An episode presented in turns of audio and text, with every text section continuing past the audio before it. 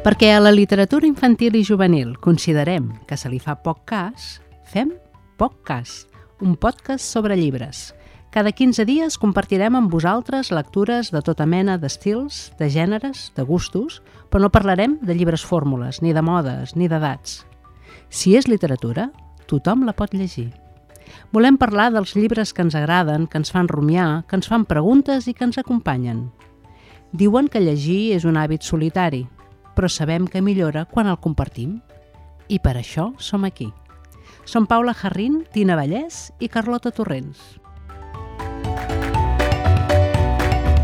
Els lectors i lectores creixem amb els llibres, no amb els anys. Comencem. POCCAS, el podcast de literatura infantil i juvenil. Bon dia a tothom i gràcies per ser a l'altra banda en un nou capítol del podcast. Com sempre, m'acompanyen Paula Jarrín, llibretera de la Lots, i l'escriptora Tina Vallès perquè ens facin una nova llista i contrallista de llibres. Avui parlaran d'un tema molt habitual als llibres per a joves, l'escola. Bon dia. Molt bon dia. Bon dia. Més que una llista i una contrallista, serà més aviat un camí d'un extrem a A l'altre. l'altre. Serà com una moneda i les dues cares de la moneda. Sí, jo estic veient que els programes per ells ens carreguem la norma, no? Sí, sí, clar, i a mi, clar, em feu quedar malament, perquè jo vau, a mi em vau explicar una norma que després... Ho fem per posar-te nerviosa, que ho Esclar, sàpigues. Sí, bueno, jo em sembla que necessitaries una mica més per posar-me nerviosa. A les vostres mans estic molt tranquil·la. El títol d'avui, per posar-ne un, és Viure i sobreviure a l'escola, perquè ja sabem que a l'escola hi ha qui viu i hi ha qui amb prou feines hi sobreviu. De llibres sobre aquesta qüestió n'hi ha una pila inacabable i la llista que portem avui és una, però em sembla que n'hagués pogut ser una altra. Nosaltres hem buscat els llibres més punyents i els més trapassers. I vosaltres només n'heu d'estirar el fil per arribar a altres mons literaris amb escola o amb sense, que deia aquell. Obrirem amb Parla, una novel·la per als més grans i d'una duresa singular, i acabarem amb No hi ha dret, que és simpàtic, esbojarrat i que ens servirà per desembafar-nos una mica. I us avanço que entre les dues protagonistes, que tenen un caràcter molt diferent, hi ha un llarg camí que recorrerem avui, amb Salinger, Nello, Cameron o Morgenstern, entre altres. Acabarem amb la tabarra de Pema Maimó, editora de la Galera, i amb una nova consulta que ens fan les alumnes de la Paula Jarrín. Paula, parla. Aviam, agafo aire abans de començar amb aquest llibre. Um, la Larry Hals Andersen, que és l'autora d'aquest llibre, va guanyar l'any 23 el Premi Alma, l'Astrid Lindgren Memorial Award, i un altre cop, sempre que passa això, això que passa amb el, amb el Nobel, no? Quan guanya, tothom va a buscar què és el que tenim d'aquesta autora o autor. L'any 2002, Cruïlla va publicar aquest Parla. El teníem en col·lecció gran angular eh, i ara, any 2023, l'altra tribu el recupera, sí que manté la traducció del Josep Sampere, però ha fet una coberta que és absolutament hipnòtica i espectacular i crec que mira directament als joves als ulls. I aquesta obra um, també la podem relacionar amb un còmic que es, va, que es diu Cuéntalo, que està en, en editorial La Cúpula, amb il·lustracions de la Emily Carroll, i potser a molts joves, si ens esteu sentint, um, també hi ha una pel·lícula. El llibre, diguem-ne, aquest, aquest llibre ha donat moltes voltes, aquesta autora té força recorregut. En català només trobem aquest parla, en castellà podem trobar algun altre títol, però aquí al nostre mm, país diguem que no tenim tota la seva obra sencera. Crec que Eh, aquest... Perdona, és curiós que és curiós que això que expliques, no? de quan és el Nobel, eh, durant la Fira de Frankfurt, en el, normalment es, es, es comunica això en el llarg del, de la Fira de Frankfurt i a tot l'Agent Center, que és l'espai on els agents literaris estan eh, venent eh, o intentant vendre llibres, eh, de cop en una taula se senten crits que és aquella taula o que- de la gent que acaba, l'autora de la qual acaba de guanyar el Nobel. Però el que em, em, ens, raó, ens dona raó del poc cas altra vegada és que quan això passa amb Alma, no hi ha el mateix no, rebombori. No, no. Hi ha, no tothom se n'omple la boca. Com si uh, l'Anderson o la Morgenstern o els altres autors que hagin, autores que hagin guanyat aquest premi uh, siguin menors. I tornem altra vegada a la qüestió. Alma és tan important com, com? Nobel o més, perquè si no, sense l'alma no arribaríem al Nobel. És, és la nostra lluita i, i aquí estarem per batallar-la. Aquest llibre, en concret, ens centrem en, en parla. Aquest llibre està ple de temes i segurament no serà l'única vegada que ens acompanyi. Avui eh, hi ha un tema molt central que és el que, del que no parlarem. Només faré el titular hi ha un tema que va donant voltes al llibre, que es va desgranant molt a poc a poc, que la Melinda, que és la Melinda Sordino, és la pr protagonista i narradora de la novel·la, ens va deixant com eh, les pedretes blanques de, de Toni Guida. Ens va deixant el rastre, però no entra de ple. Només en algun moment diu tinc un animal a les entranyes. Sento com m'esgarrepa les costelles nit i dia. Aquest tema, això, aquest animal a les entranyes, no el tractarem. Ens intentarem centrar en com la Melinda Sordino comença un nou cicle lectiu que podem equiparar al nostre batxillerat en el Merriweather.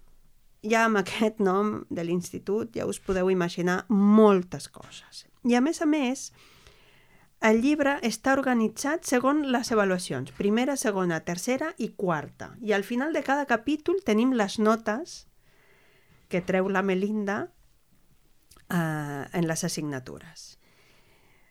Ella comença el llibre dient Aquest matí començo a l'institut. Tinc set llibretes noves, una faldilla que no m'agrada gens i mal de panxa.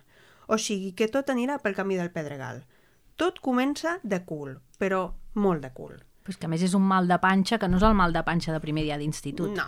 És això que no diu.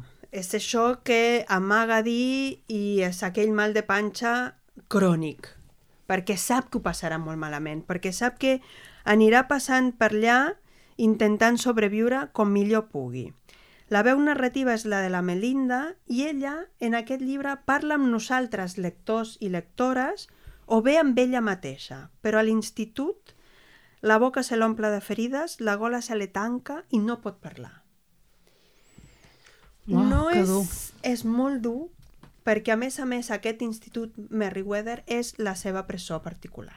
Els professors són els guardians que tallen les ales i que no deixen fer i el pitjor, el pitjor, el pitjor són els altres presoners i presoneres. Uh, hi ha Perdona, presoners, que són els companys de classe. Sí. Eh? Uh, un, un apunt que abans has dit, Merry, Merry Weather, que vol dir simplement uh, temps feliç, el Sí, clima, és a dir, seria de fet Sí, el és temps, bastant irònic. temps És uh, molt meteorològic, diguem, La però seria clima feliç. No, no està dins d'un clima feliç ni d'una estació feliç, Per això, per això. sinó que està aquí, pobreta, i ho està passant molt, molt malament. Eh, la descripció de les colles pessigolles que pul·lulen per aquell institut no té pèrdua, les estupendes, les guais, hi ha unes que es diuen les martes, que és pa matar-les, però és, és, són insuportables. I tothom l'odia perquè l'any passat va haver una festa i va haver una trucada a la policia que va fer ella i deixo una altra vegada el silenci incòmode i aquest animal que li esgarrepa per dins. Però només entrar, tothom odia la Melinda Sordino. Tota la narració i tot el que passa dins de l'institut, que és la majoria del llibre, hi ha alguns moments que està fora o que està a casa seva o que està a casa d'una del, a, amb una que es comunica perquè no són amigues, tens aquella sensació d'asfíxia. La Melinda té aquesta veu interior, aquest desassossec, i que ens va portant de la mà a com ella està sobrevivint a aquest institut, a aquests dies en què no són gens feliços. Els professors, el professor de trituració física no pot ser... Trituració, dit? Trituració física, no m'he equivocat, no hi ha una rata al llibre, és el professor de trituració física. Jo tenia una mica aquesta sensació. jo eh? també, jo també.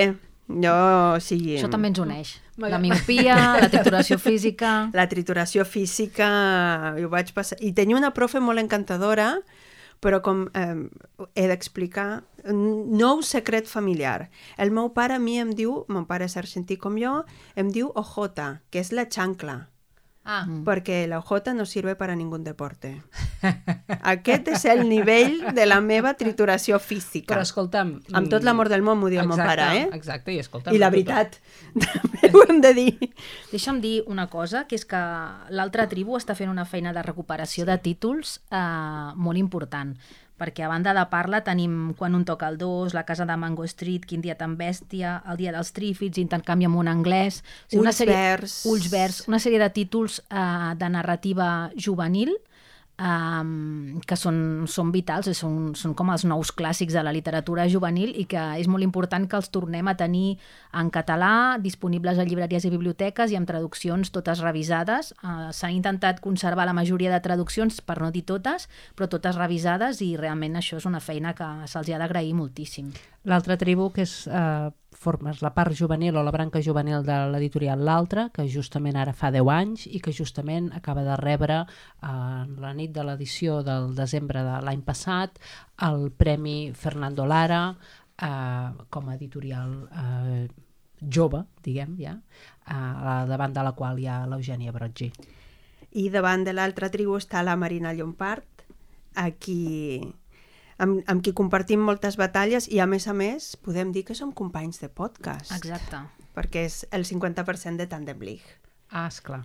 Um, a més d'aquests professors de trituració física està el senyor Sledman, que està decidit a demostrar que l'àlgebra fa servei durant tota la vida, la Grenyes, que és una torturadora a cops de redaccions, uh, un director que l'única cosa que fa és passejar-se, és com un caminador, sabeu? Passi passadís amunt, passadís avall, i foten bronques. La profe d'espanyol, que no té pèrdua, i el senyor Freeman, que és el mm, professor de plàstica, i Atenció nom, l'únic... Freeman. Freeman, Home lliure.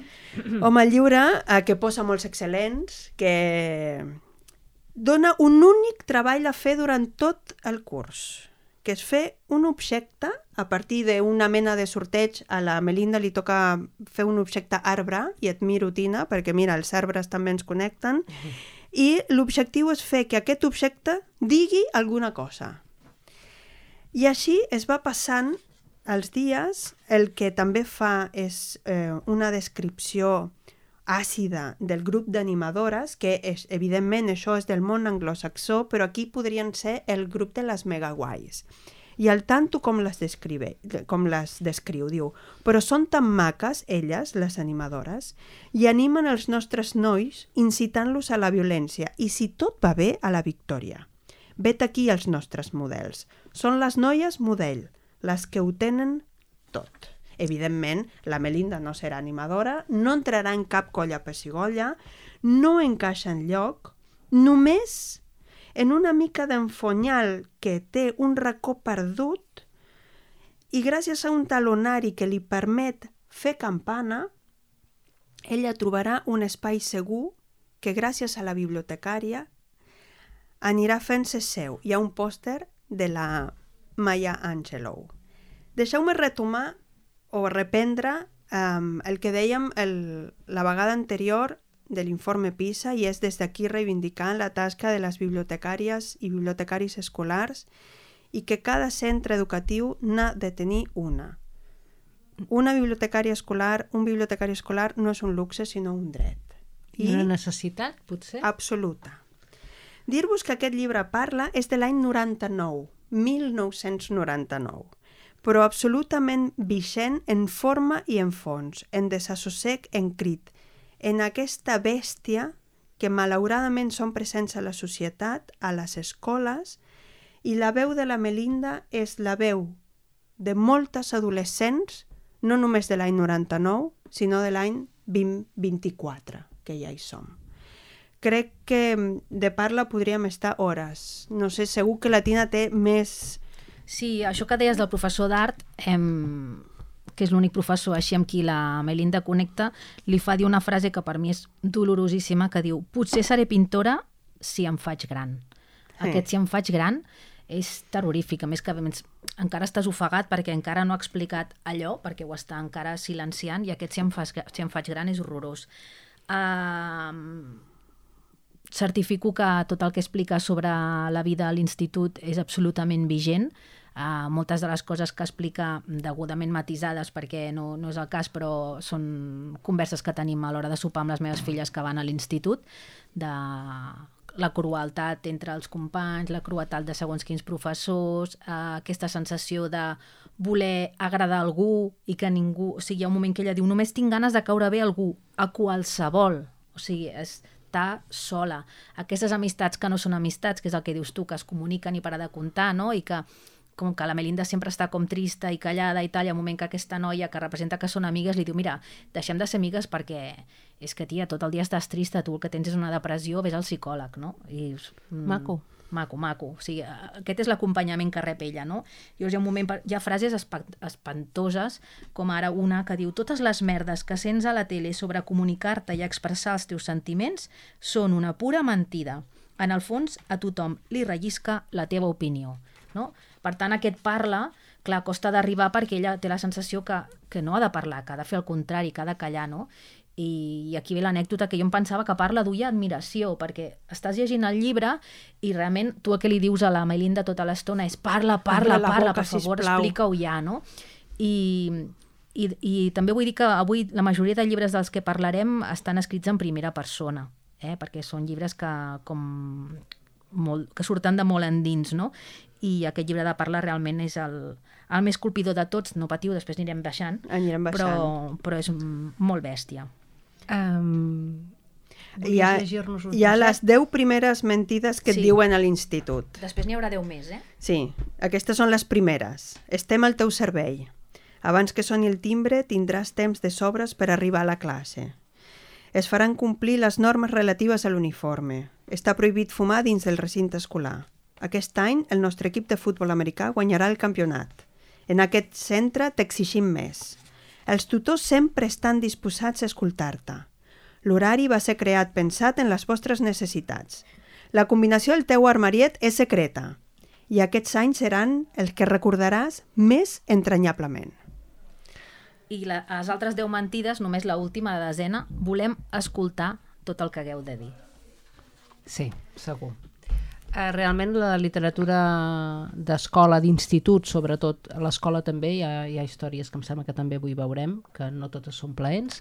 Eh, a mi em recorda una mica, per tot el tema que hem tingut a la prèvia també preparant aquest podcast, eh, els clàssics, no? que comencem amb un gran clàssic que és el Vigilant del Camp de Sègol, que ha tingut molt... Que és un, jo, jo tinc dubtes amb aquest llibre sempre, no sé quin moment s'ha de llegir, si el llegeixes massa gran mm, no, no et colpeix, eh, i si el llegeixes massa jove pot ser que no l'entenguis.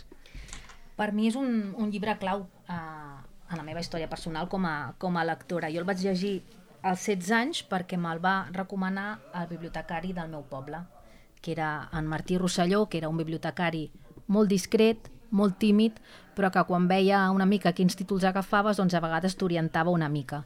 I quan em va veure pujar al pis de dalt, perquè la biblioteca de Premià de Mar, la literatura adulta estava al pis de dalt, eh, a buscar llibres, i jo anava buscant una mica cegament, assaig-error, assaig-error, que és com s'ha de llegir, de fet, és com s'ha de començar a llegir, um, ell de tant en tant em suggeria títols. I un dels títols que em va suggerir va ser aquest, El vigilant en el camp de Sègol. En de Martí... Salinger. Sí, del Salinger.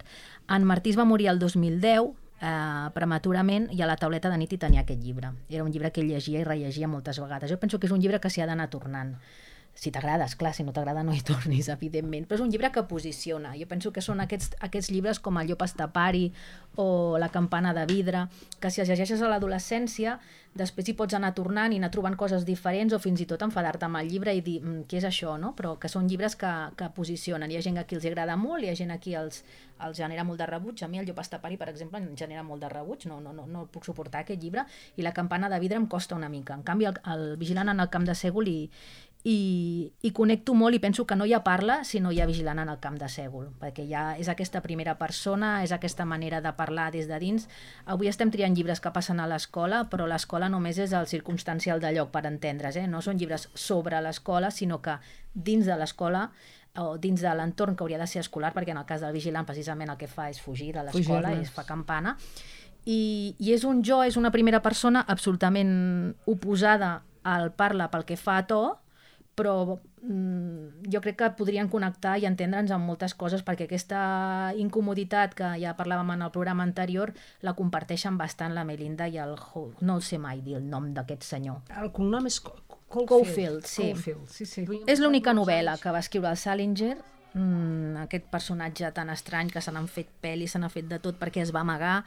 Um, no sé, jo penso que és un llibre que això, que s'ha de llegir més d'una vegada, que potser el primer cop ha de ser en l'adolescència o la primera joventut i després anar-hi tornant si t'ha interessat i, i què és això? És un llibre que passa pels vols del Nadal després que en, que en Holder aquest eh, s'escapi de, de l'escola on està internat estudiant perquè no sap què fer amb la seva vida i perquè no vol ser res i té tota una sensació com de, com de, de buit, de- de- d'incomoditat, de, de, no, de no trobar el seu lloc, uh, no sé, i tot plegat doncs, és aquesta atmosfera que, si em deixeu, començo, perquè més la traducció al català és d'Ernest Riera i Josep Maria Fonalleres. Si de debò voleu que us en parli, segurament la primera cosa que voldreu saber serà on vaig néixer i com va ser la meva fastigosa infantesa i què feien els meus pares abans de tenir-me i tota aquesta porqueria estil David Copperfield. Però no en tinc gens de ganes. Primer de tot, aquestes coses m'avorreixen i segon, els meus pares tindrien un parell d'hemorràgies cadascun si expliqués res gaire personal sobre ells. Són molt sensibles amb coses així, sobretot el meu pare. Són bona gent, no dic pas que no, però també són més sentits que una veixina.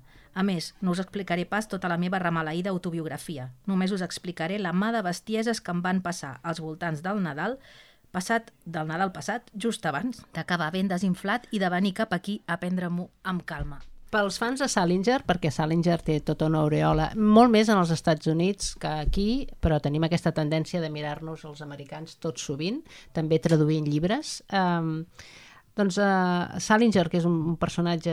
Tots els estudiants han llegit uh, el Vigilant al camp de Sègol.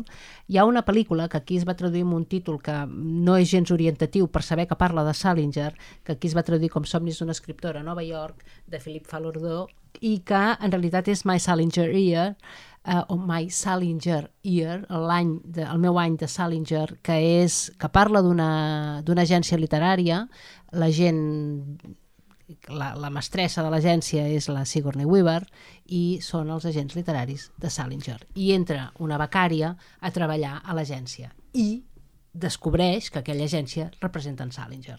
I per qui vulgui saber més, que busqui la pel·lícula, que La segur que punt està... de la gent.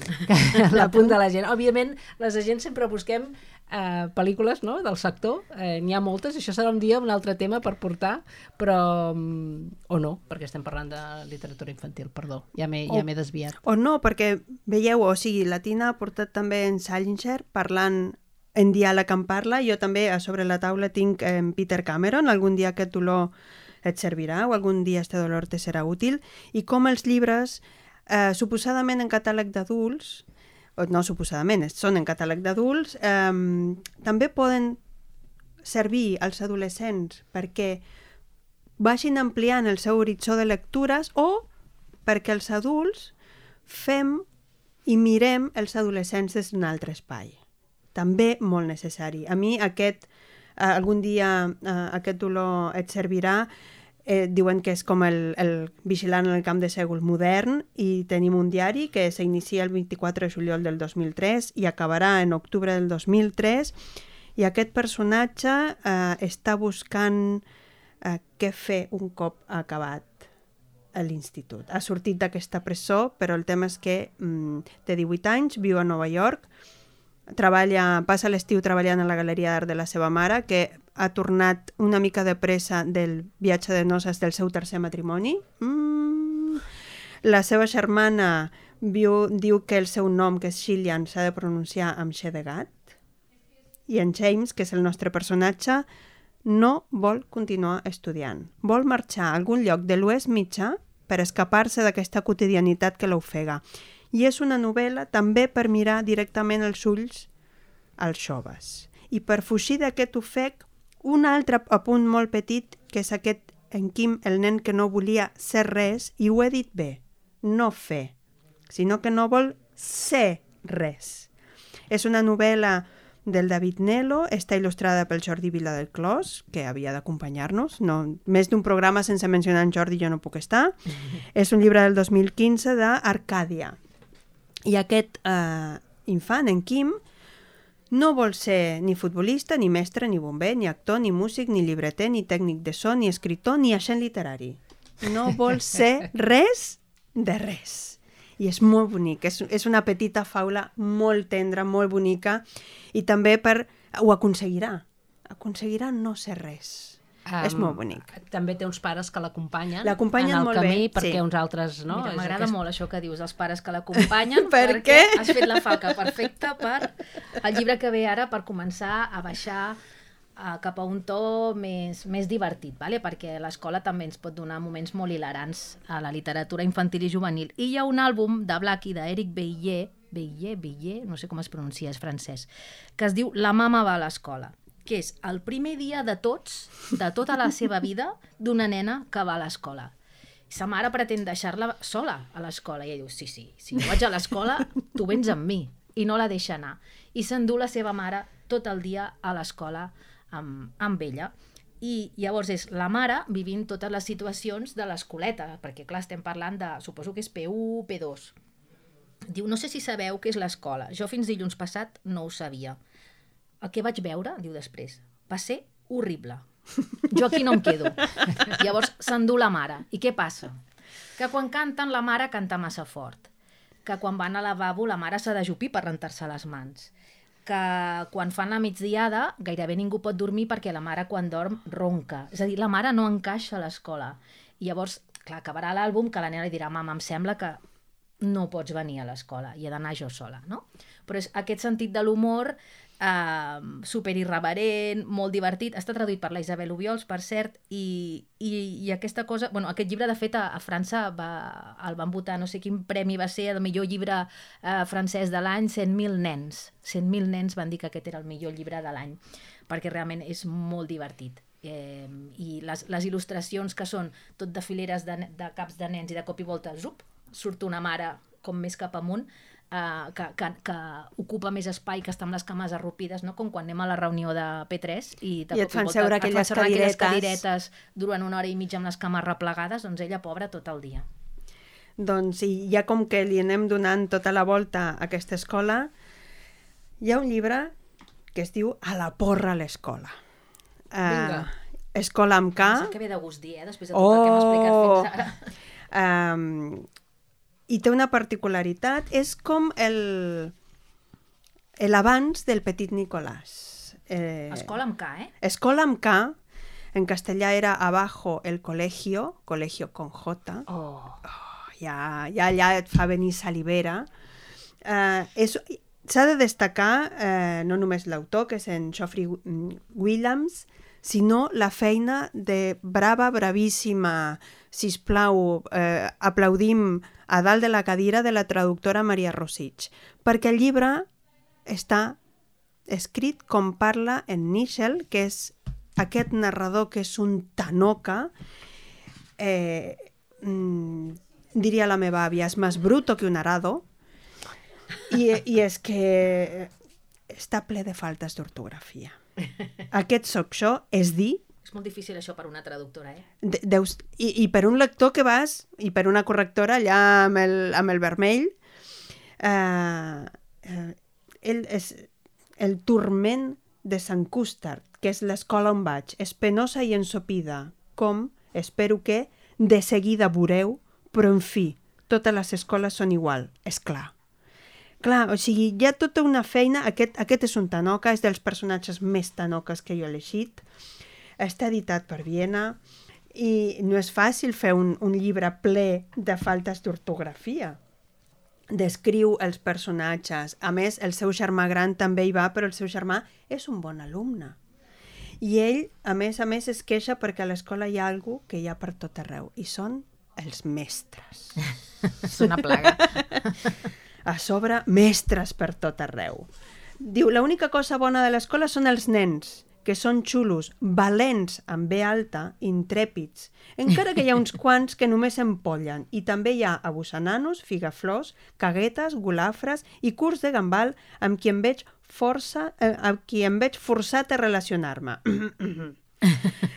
bueno, jo és que aquest llibre m'encanta. Eh, hi ha gent que quan l'ensenyes o el recomanes et miren amb cara de no pots estar parlant de veritat, i sí que i tant, i tant, i reivindico aquests llibres d'estrellers eh, i que podem llegir amb un llapis a la mà i fer l'exercici d'anar corregint aquest, eh, aquestes horroroses faltes d'ortografia. Però eh, no, no es podia fer d'una altra forma, és un tanoca, no parla bé, no li Acabes agrada convertir l'escola. un llibre irreverent en un exercici de llengua, Paula Jarrín. Sí, i ho faig amb els alumnes. I de la mateixa manera que el nostre protagonista diu, es queixa de que hi ha mestres, Uh, em sembla que uh, ils arrivent, no? que es diria Sí. en francès, ells arriben, aquí ens queixem de que tenim alumnes. Alumnes, i a més a més, ara ara el faré dentetes a les meves companyes de taula, perquè No. el tinc dedicat per l'Albertín, Oh. I- la il·lustradora més- del llibre. eh, Il·lustrador.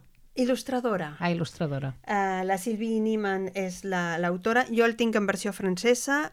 En català no es pot trobar. Oh, editors, agafeu aquella llibreta llibreta que heu comprat. Um, I uh, tenim la, la que veiem en, primera, en primer pla és la mestra, que diu, ja hi són, els sento, són ells. Estic segura que són ells. No els veig, però els sento. On són? Quants són? Cents, milers. I us hem d'explicar un secret. Estimades i estimats, quan ells i elles estan a punt d'arribar, els docents comencem a tremolar.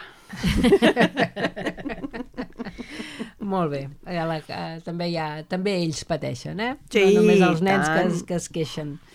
I eh, arribem al No hi ha dret. Per fi, per fi, perquè jo és que crec que faig aquest podcast per poder recomanar aquest llibre a qui encara no li he recomanat, que crec que li he recomanat a tothom. És un dels llibres que més he recomanat. Jo crec que, que si escric en part és per aquest llibre, per la Susie Morgenstern, que també va guanyar el Premi Alma, que em nego a dir que el Premi Alma és el Premi Nobel de Literatura Infantil, sinó que el Premi Nobel de Literatura és el Premi Alma dels adults, i punt.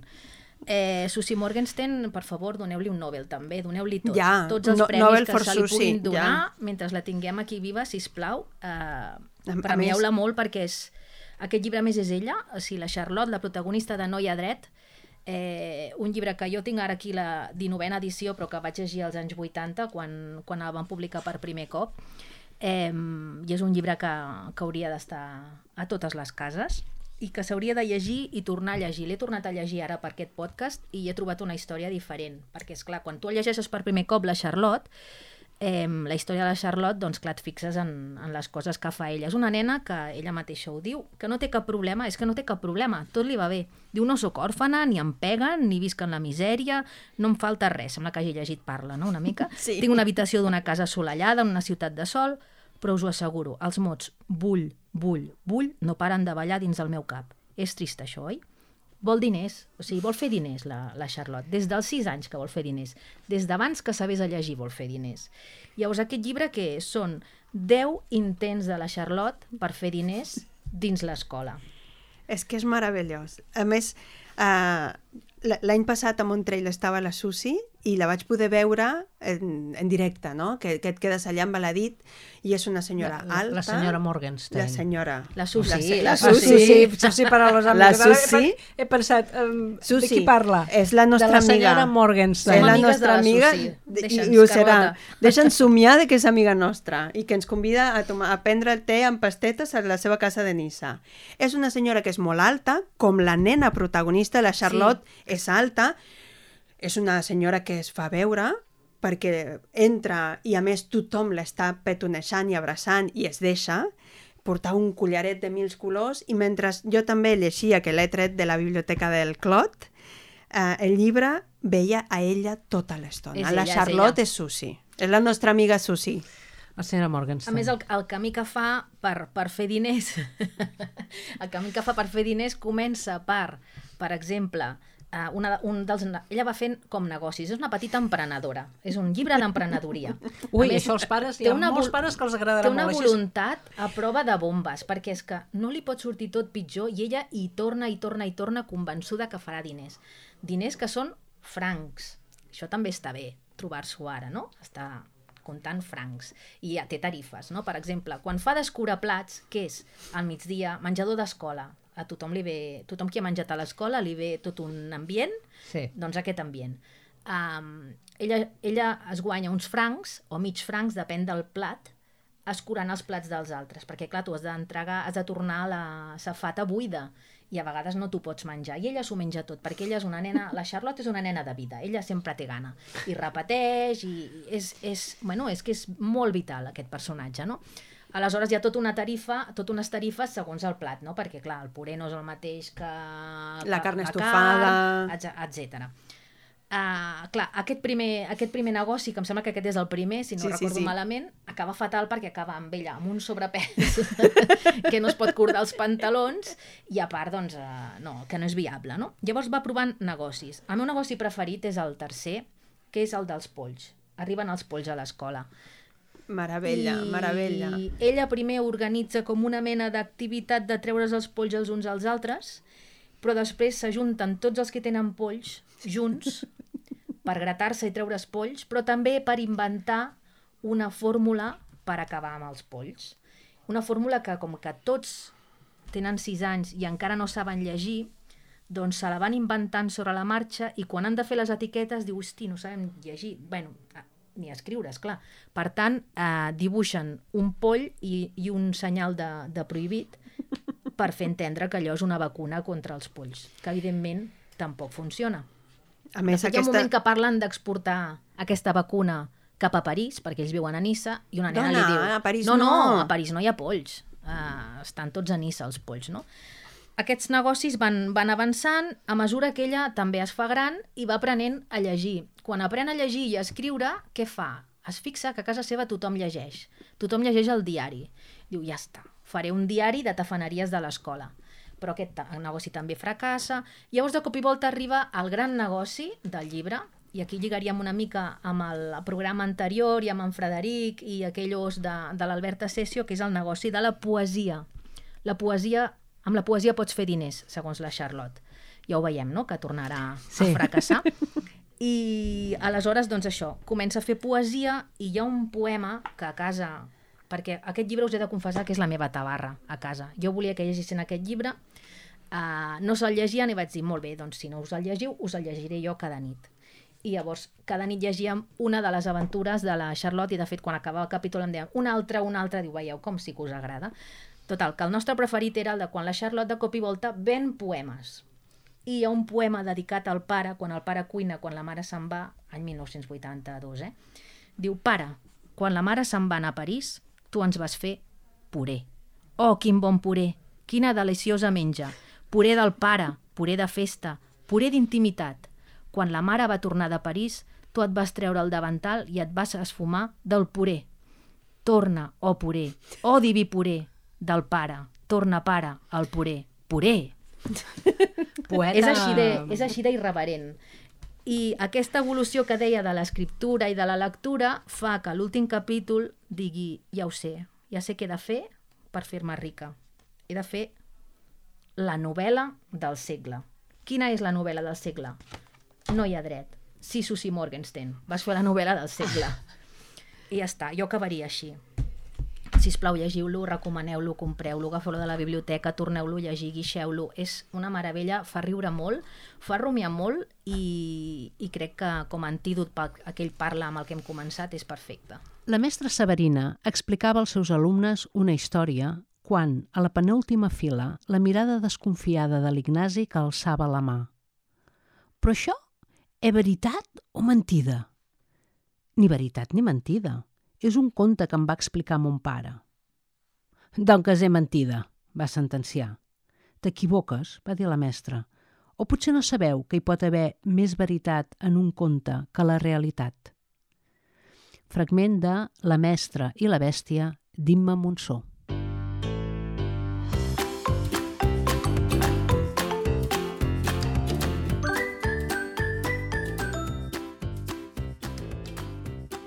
I arriba el moment de...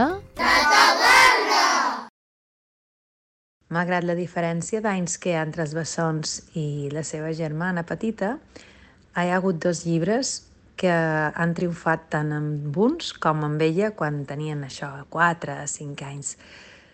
I no pot ser un. Em sap greu, però són dos.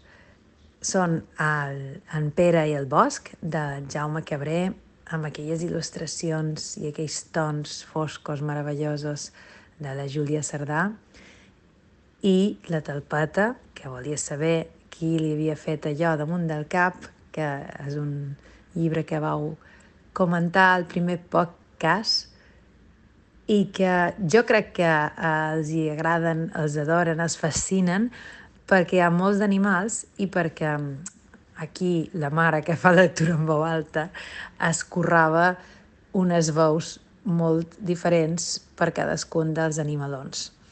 Uh, I m'ho passava bomba i, i una cosa molt divertida és que em renyaven si no feia exactament la veu que corresponia a cada animal. Uh, el mussol parlava com un senyor gran amb una veu fosca, el liró badallava a cada paraula, uh, i m'arranyaven. M'arranyaven si feia una veu aguda pel mussol perquè corresponia a l'erissó. I això és divertit, perquè jo crec que entràvem tots d'una manera fantàstica a les històries i, i a les caques de la talpeta, que totes, totes tenen el seu sorollet eh, especial i específic i que, evidentment, sempre fa riure. A que nostre han estat dues apostes segures, dos llibres que han triomfat moltíssim sempre. Jo crec que la he comès amb els meus fills ha estat pretendre que llegissin llibres que a mi m'havien fascinat quan tenia la seva edat. I com pensar, com pot ser que no els interessi? I de, perquè no els interessa, pel que sigui, perquè no és la temàtica, perquè no els crida l'atenció, perquè el seu nivell de lectura, quan veuen una novel·la més gruixuda del que pensen que poden assumir, els hi fa por o peresa o, o és un repte massa gros.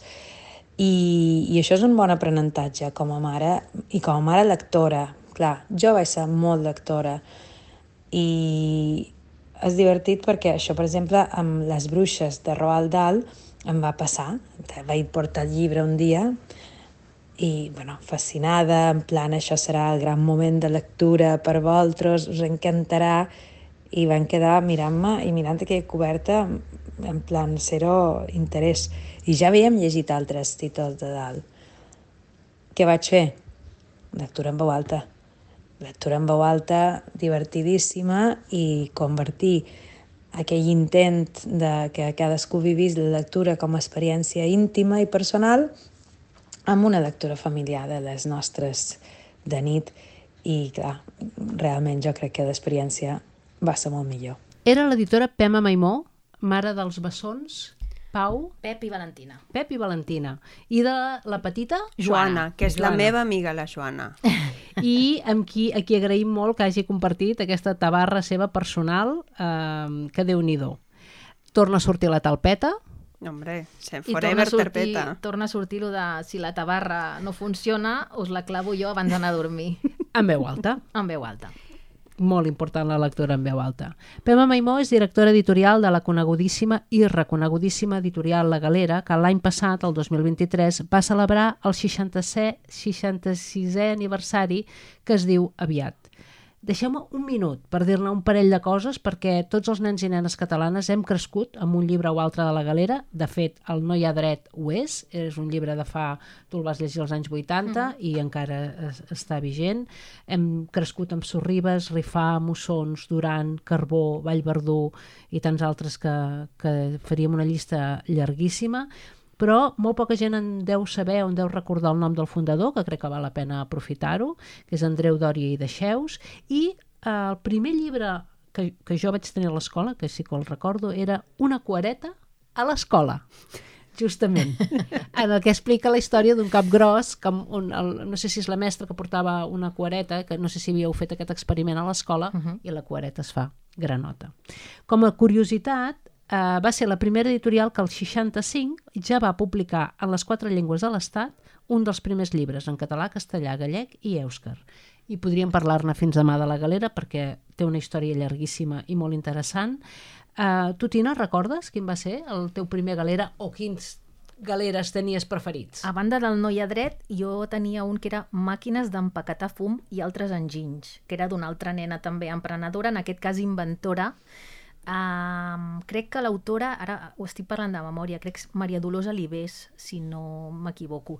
I després hi ha un altre, un, un altre llibre que ja connectaria més amb l'etapa adolescent, que era Anna, de la Maria Lluïsa Julià, que és un llibre que totes les de la meva generació ja esteu fent que sí amb el sí, cap, que eh? sí, que sí, que, que sí. Que, bueno, jo en tinc un record que molt sí, que per especial. favor, aquest també l'hauríem de, de recuperar. Ha, a mi em costaria molt triar. Tu, Paula, que arribes ja més gran a Barcelona, des de Buenos Aires, eh, tens un record en el moment que et trobes el primer galera o... Va ser el meu company eh, que em va dir que havia de llegir el so d'en Pitus, perquè el senyor Sorribas era de Sallent i el meu company és de Sallent. I clar, s'ha de reivindicar el baixes tot el que es pugui i mentre jo estava fent els cursos de català a la, a la Universitat de Barcelona, eh, anava intentant fer els meus primers llibres en llengua catalana i vaig simultanear un d'adults i eh, el So d'en Pitus, que va ser el meu primer galera. Ah, doncs vas començar amb el primer gairebé. Amb el primer. No és ben bé el primer, però quasi, no? Perquè Quasi. Amb l'emblemàtic. molt Sí. emblemàtic. Uh, un llibre que potser ara li ha passat una mica el temps, uh, però, però que per als que no, ja tenim una edat uh, va, ser, va ser fonamental. Um, si voleu explicar-nos la vostra tabarra, deixeu-nos un missatge de WhatsApp al número 689 344 437 o 689 344 437. Ens agradarà molt saber-la. I avui sí que tanquem, ens estem allargant una mica, però eh, hi ha una consulta reitera reiterativa eh, amb les alumnes teves eh, de, de, De didàctica de la literatura. que et demanen hem de deixar a l'abast dels, dels infants tots els llibres? Elles es pregunten sobretot pel format, aquell llibre que és més delicat, ai, què fem si es trenca? El de les solapes. Eh, els de les solapes, els pop-ups, i jo els dic que personalment crec que tots els llibres s'han de posar a l'abast, hi ha coses, es poden trencar, aquells que podem tornar a comprar, els tornem a comprar, no és, no, no és un element sagrat, per sort, no? Jo hi ha llibres que tinc el segon o el tercer xoc, vaig així.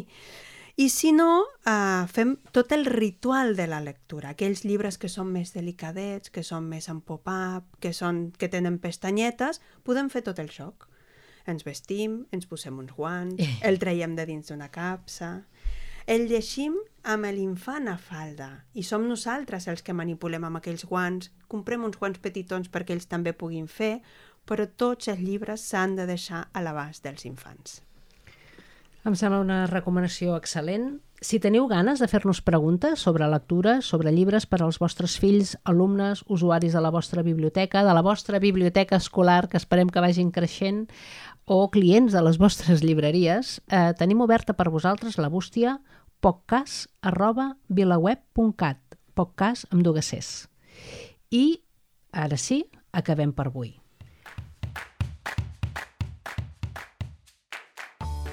Avui ja hem fet prou poc cas. Aquest programa es fa gràcies a Carles Garcia, el control tècnic, en Xavi Simó, que ens fa el logo de cada programa, el community manager Enric Gali, que ens fa sortir meravelloses en els posts promocionals, el suport de VilaWeb, que ens acull a casa seva.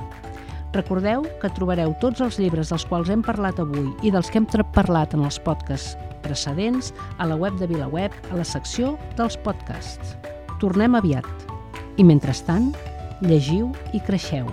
I feu-nos una mica de poc cas. Gràcies per escoltar-nos.